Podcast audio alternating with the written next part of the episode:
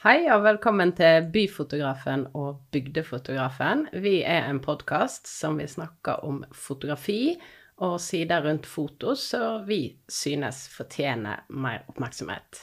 Jeg er byfotografen. Mitt navn er Ingvild Konstanse Festival Melien. Jeg er fra Asker, men har bodd i Bergen i eh, ja, snart 15 år. Yes, og jeg er bygdefotografen. Jeg heter Ingrid Jordal. Jeg er fra Odda. Har tidligere bodd i Finnmark, og nå bor jeg på Voss, så jeg føler at jeg har god eh, dekning for å kalle meg en bygdis. Velkommen til episode ti av Byfotografen og Bygdefotografen. Dette er den siste innspillingen vi gjør, i hvert fall på denne siden av sommeren, så får vi se hva som skjer videre. I denne podkasten så har vi jo snakket uh, mye om oppturer og nedturer og baksider og hoppsi fremsider av fotoyrket. Og vi tenkte å vie denne siste episoden til noen skikkelige suksesshistorier fra vårt uh, eget liv. Ja, vi følte at det var på tide. Nå har det vært nok uh, klaging her. Ingrid, kan ikke du fortelle, begynne litt om du har noen skikkelige suksesshistorier på baklomma? Jeg har, eh, jeg har jo flere, men jeg har veldig lyst til å fortelle om en av de første gangene som jeg solgte en stor sak til norsk medie. Jeg eh, har jo vært litt sånn av og på frilanser og fast ansatt, så jeg kom litt sånn seint inn i det her å selge saker til medier. Jeg var vel 35 eller noe sånt. Uh, og da hadde jeg nettopp sagt opp en jobb og dreiv og skulle frilanse. Jeg lurte så fryktelig på hvordan er det man får tingene sine på trykk i aviser og sånn. Hvordan Altså Hvordan gjør man det? For det føltes som en sånn sekthemmelighet. sant? at uh, Jeg spurte jo folk, jeg kjente jo andre fotografer, altså, men de var liksom, det var så vagt. Det var liksom sånn Ja, det ta telefonen den ringer. Liksom, det var den type Altså, altså Ja, men min telefon ringer ikke. Altså, jeg må jo starte et sted. Jeg må komme i gang, liksom. Sommeren 2018, da gjorde jeg noe egentlig ganske idiotisk. For da reiste jeg på en reportasjetur til USA. Og da hadde jeg i forkant av det prøvd å skaffe meg avtaler med aviser og liksom sendt ut til Kreti og Pleti, og da mener jeg liksom veldig mange da, av de store avisene. Jeg skulle over og lage en uh, reportasje om uh, norskamerikanere. Og det har vi jo uh, lest mye om og sett mange ganger, men jeg var veldig interessert i noe som jeg hadde lest i en litt sånn nerdete språktidsskrift om norsk-amerikansk Nei, amerikanorsk som arvespråk.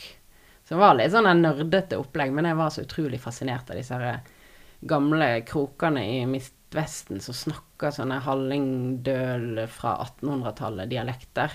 Fordi at de hadde vokst opp i en liten bygd i Midtvesten, og naboen deres var fra samme sted, i Hallingdal, og så hadde de bare snakka sånn hjemme helt til de begynte på skolen, og da først lærte de amerikansk. Og det er jo litt sånn sprøtt å tenke på. Sånn apropos eh, integreringsdebatt og sånn. altså, der var det getto. uh, og den generasjonen var jo da på vei til å dø ut. Altså, jeg reiste jo over der sammen med en språkforsker, og nesten alle vi snakka med, var over 80 år. Så det er jo en det forsvinner jo nå, det arvespråket. Uh, så det var det som fascinerte meg så utrolig. Jeg var bare sånn Jeg må lage en sak. Jeg har så lyst. Altså, det var helt sånn Jeg vet ikke om du noen gang har denne følelsen at dette må bare lages. Dette må jeg få se. Dette må jeg få oppleve, på en måte. Og jeg skjønte jo ikke hvorfor ikke alle redaktørene i Norges Land delte min uh, entusiasme for dette fantastiske uh, oppdraget som jeg hadde gitt meg sjøl. Men jeg sendte altså e-poster til VG, til Dagens Næringsliv, til Klassekampen, til Aftenposten, til Bergenstidene, til Dagsavisen sikkert, til All, eh, Morgenbladet mm. Altså alt, egentlig. Ja. Og det var liksom ingen svar, eller nei På hos alle, liksom. Uh, og eh, ja, OK.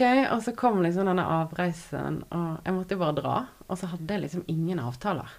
Og det var skikkelig bale. Men samtidig så var det jo helt fantastisk å være der, og det var, det var bare en eventyr, hele denne turen. Altså i seg sjøl, det må jeg bare si. Det var mildt sagt deilig å være norsk i det norske Amerika. Jeg uh, var der, og så var jeg òg i Seattle og så møtte unge norske amerikanere som bor i en urban storby og lever i disse her, eh, et liv som ligner veldig mye mer på oss, vårt liv. Uh, og Seattle er jo en uh, veldig sånn liberal, demokratisk by på vestkysten. Og til og med sånn utseendemessig og klimamessig så ligner den jo litt på Oslo. Og det er veldig mye nordmenn der òg. Så uh, jeg eh, lagde både en sak om disse her gamle folkene som snakker amerikanorsk, og disse unge menneskene som var etterkommere av uh, norske innvandrere, og som nå levde i et Amerika som var blitt veldig forandra etter Trump. Og saken var jo at deres forfedre kom til USA for å få et bedre liv. Og nå de, og de etterkommerne til de lengter nå tilbake til Norge, på en måte. Det var jo noen av de som Flere av de som faktisk ønska å emigrere tilbake. Altså, det var jo litt sånn Pluss at alle bare elsker Norge, selvfølgelig. Så det var jo en sånn romantisk idé om hva Norge er òg. Og jeg lagde disse sakene, jobba som et piska skinn i tre uker non stop. Det var liksom arbeid bånn hver dag i tre uker. Og så kom jeg tilbake igjen. Og så var jeg sånn Yes, nå har jeg jo liksom to kanonbra saker. Og jeg bare gyver løs på de her redaktørene igjen. Og mailer og ringer og dure på. Og det er liksom bare Det er ingen respons eller negativ. Og så plutselig så får jeg en sånn eh, Et lite napp hos eh, Storavis. Og de sier sånn ja dette, ja, dette her kan vi kanskje ta i neste magasin. Eller et eller annet sånt. Uh, og de er sånn Ja, uh, da hadde jeg jo ikke skrevet hele saken. Jeg bare kom med eksempler, og så sa de ja, kan du lage en liten disposisjon og persongalleri og sånne ting. Ja, jeg bare yes, yes, yes, gjorde det. Og jeg var så glad for at de ville ha den saken. Og så bare tar det ei uke eller to, og så bare får jeg sånn e-post altså. Hei, vi går ikke for denne nå.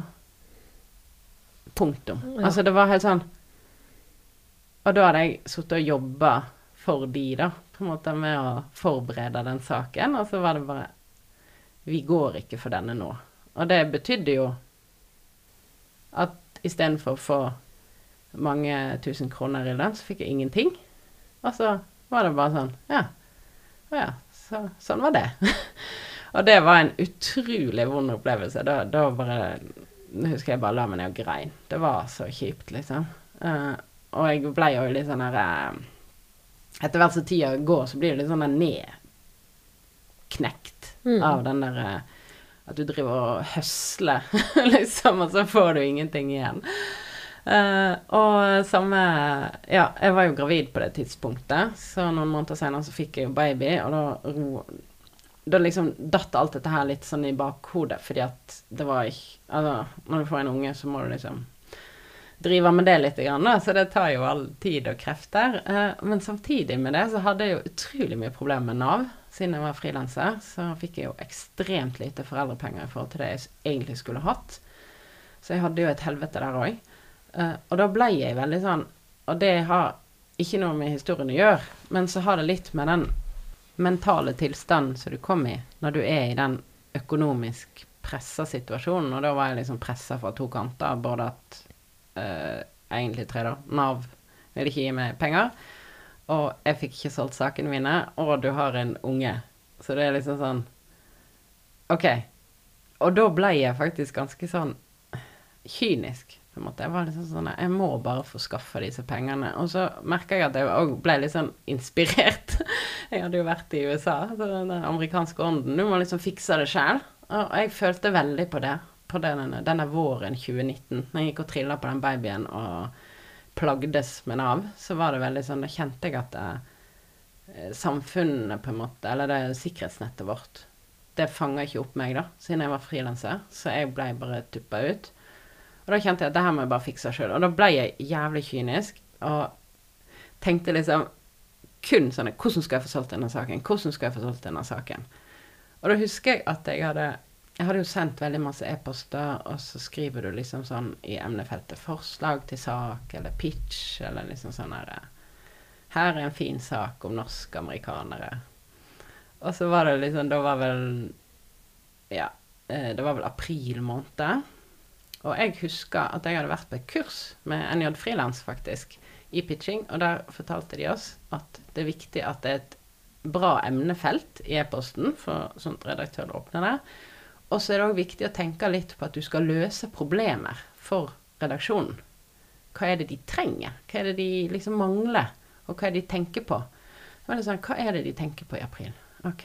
Hmm.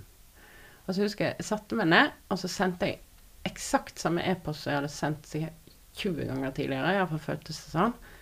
Og så skrev jeg istedenfor å skrive emnefeltet 'Her er forslag til sak om norskamerikaner', så skrev jeg liksom 'Fin sak til 17. mai'.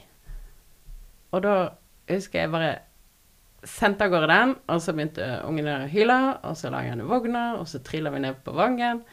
Og før jeg hadde kommet ned på Vangen, så hadde jeg en publiseringsavtale. Og da løsna alt sammen etter det. Jeg fikk ti sider i Bergens Tidende-magasinet. Og etter det så var det akkurat som jeg fikk en sånn Et lite sånn Det er det første ja-et, sant? At du får et sånn lite sånn løft. Og da skjønner du Fordi at jeg hadde gått hele tiden så sånn, I starten så var det sånn Ja, men det er jo bra saker, hvorfor ingen har det? Og så hadde jeg liksom sakte, men sikkert begynt å lure på om det var bra i det hele tatt. Og så nå fikk jeg liksom bekrefta Ja, det er jo faktisk bra. Når jeg får ti sider, og det var videoer, og det var liksom Det var jo den hovedsaken, liksom. Og da var det akkurat som liksom snøballen begynte å rulle, og så fikk jeg publisert samme saken, eller andre spin-off-saker da, fra det samme i veldig mange andre steder.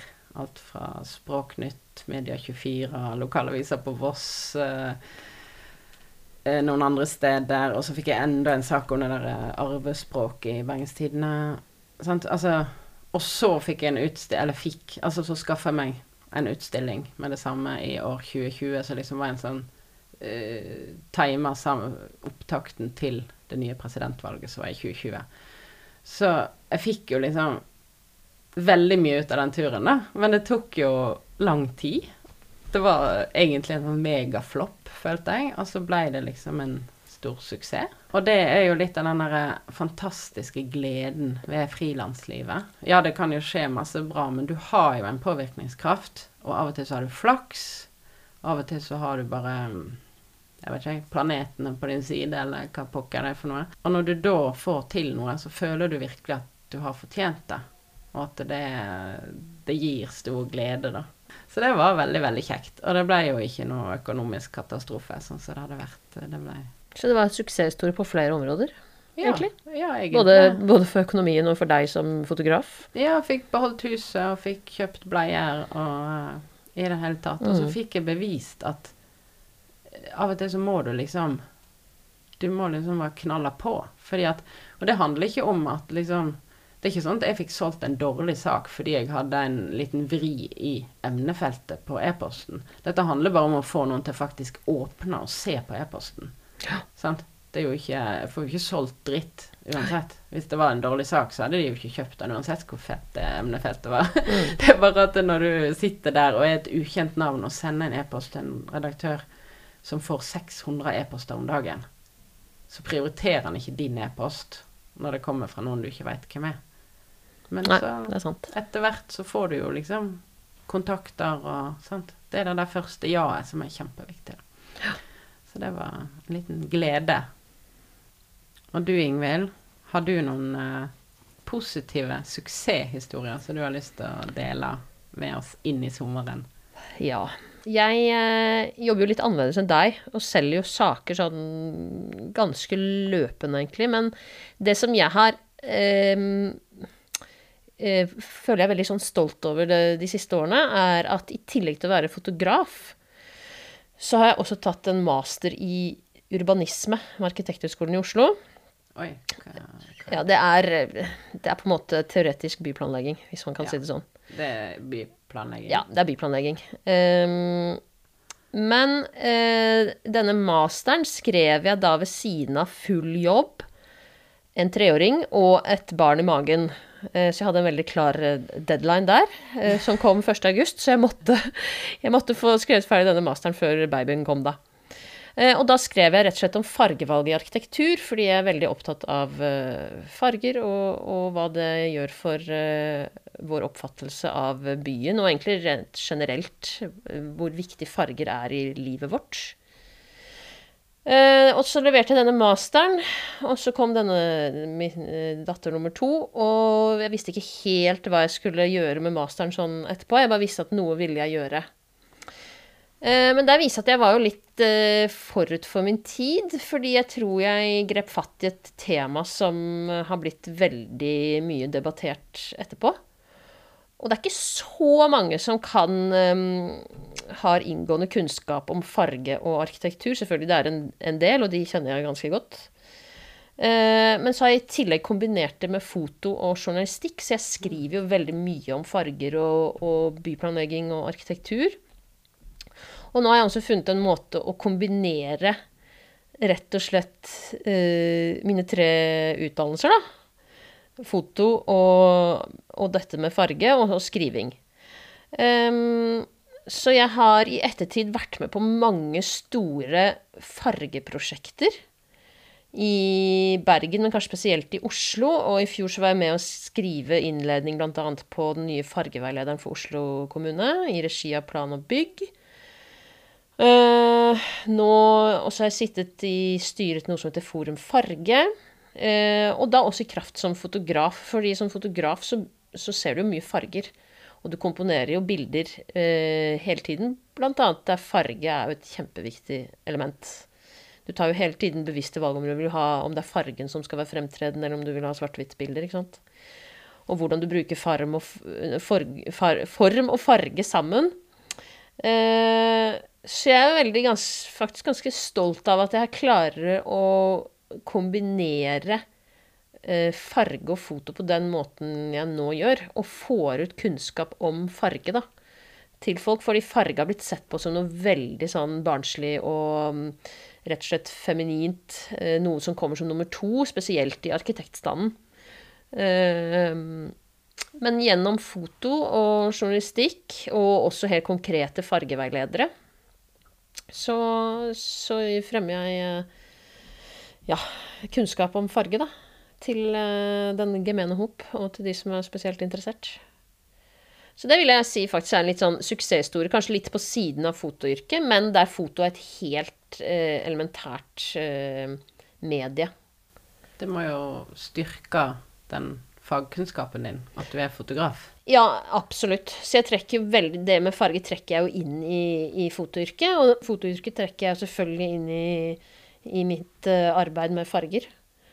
Uh, og det å vise farger viser du jo selvfølgelig gjennom bilder. Uh, så det å, å, være god på å ta bilder er jo en, en styrke i så måte. Det er veldig interessant det her med å spesialisere seg sånn mm. voldsomt. Mm. Altså, du er jo Du er vel den fotografen i Norge som er fargeekspert, kanskje? liksom. Ja, det er i hvert fall ikke så mange av oss som både kan så mye om farger og er fotograf, nei. nei. Um, og det er jo et Ganske snevert felt. Men likevel så er det et felt, og som, da er du autoriteten på det feltet. Uh, ja, i hvert fall når du kombinerer foto og farger. Ja. Um, om jeg er autoriteten, det vil jeg ikke kanskje si, men jeg kan i hvert fall men jeg kan i hvert fall veldig mye om det.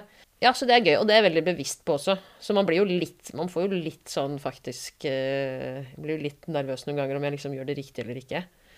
Uh, og jeg har masse å lære.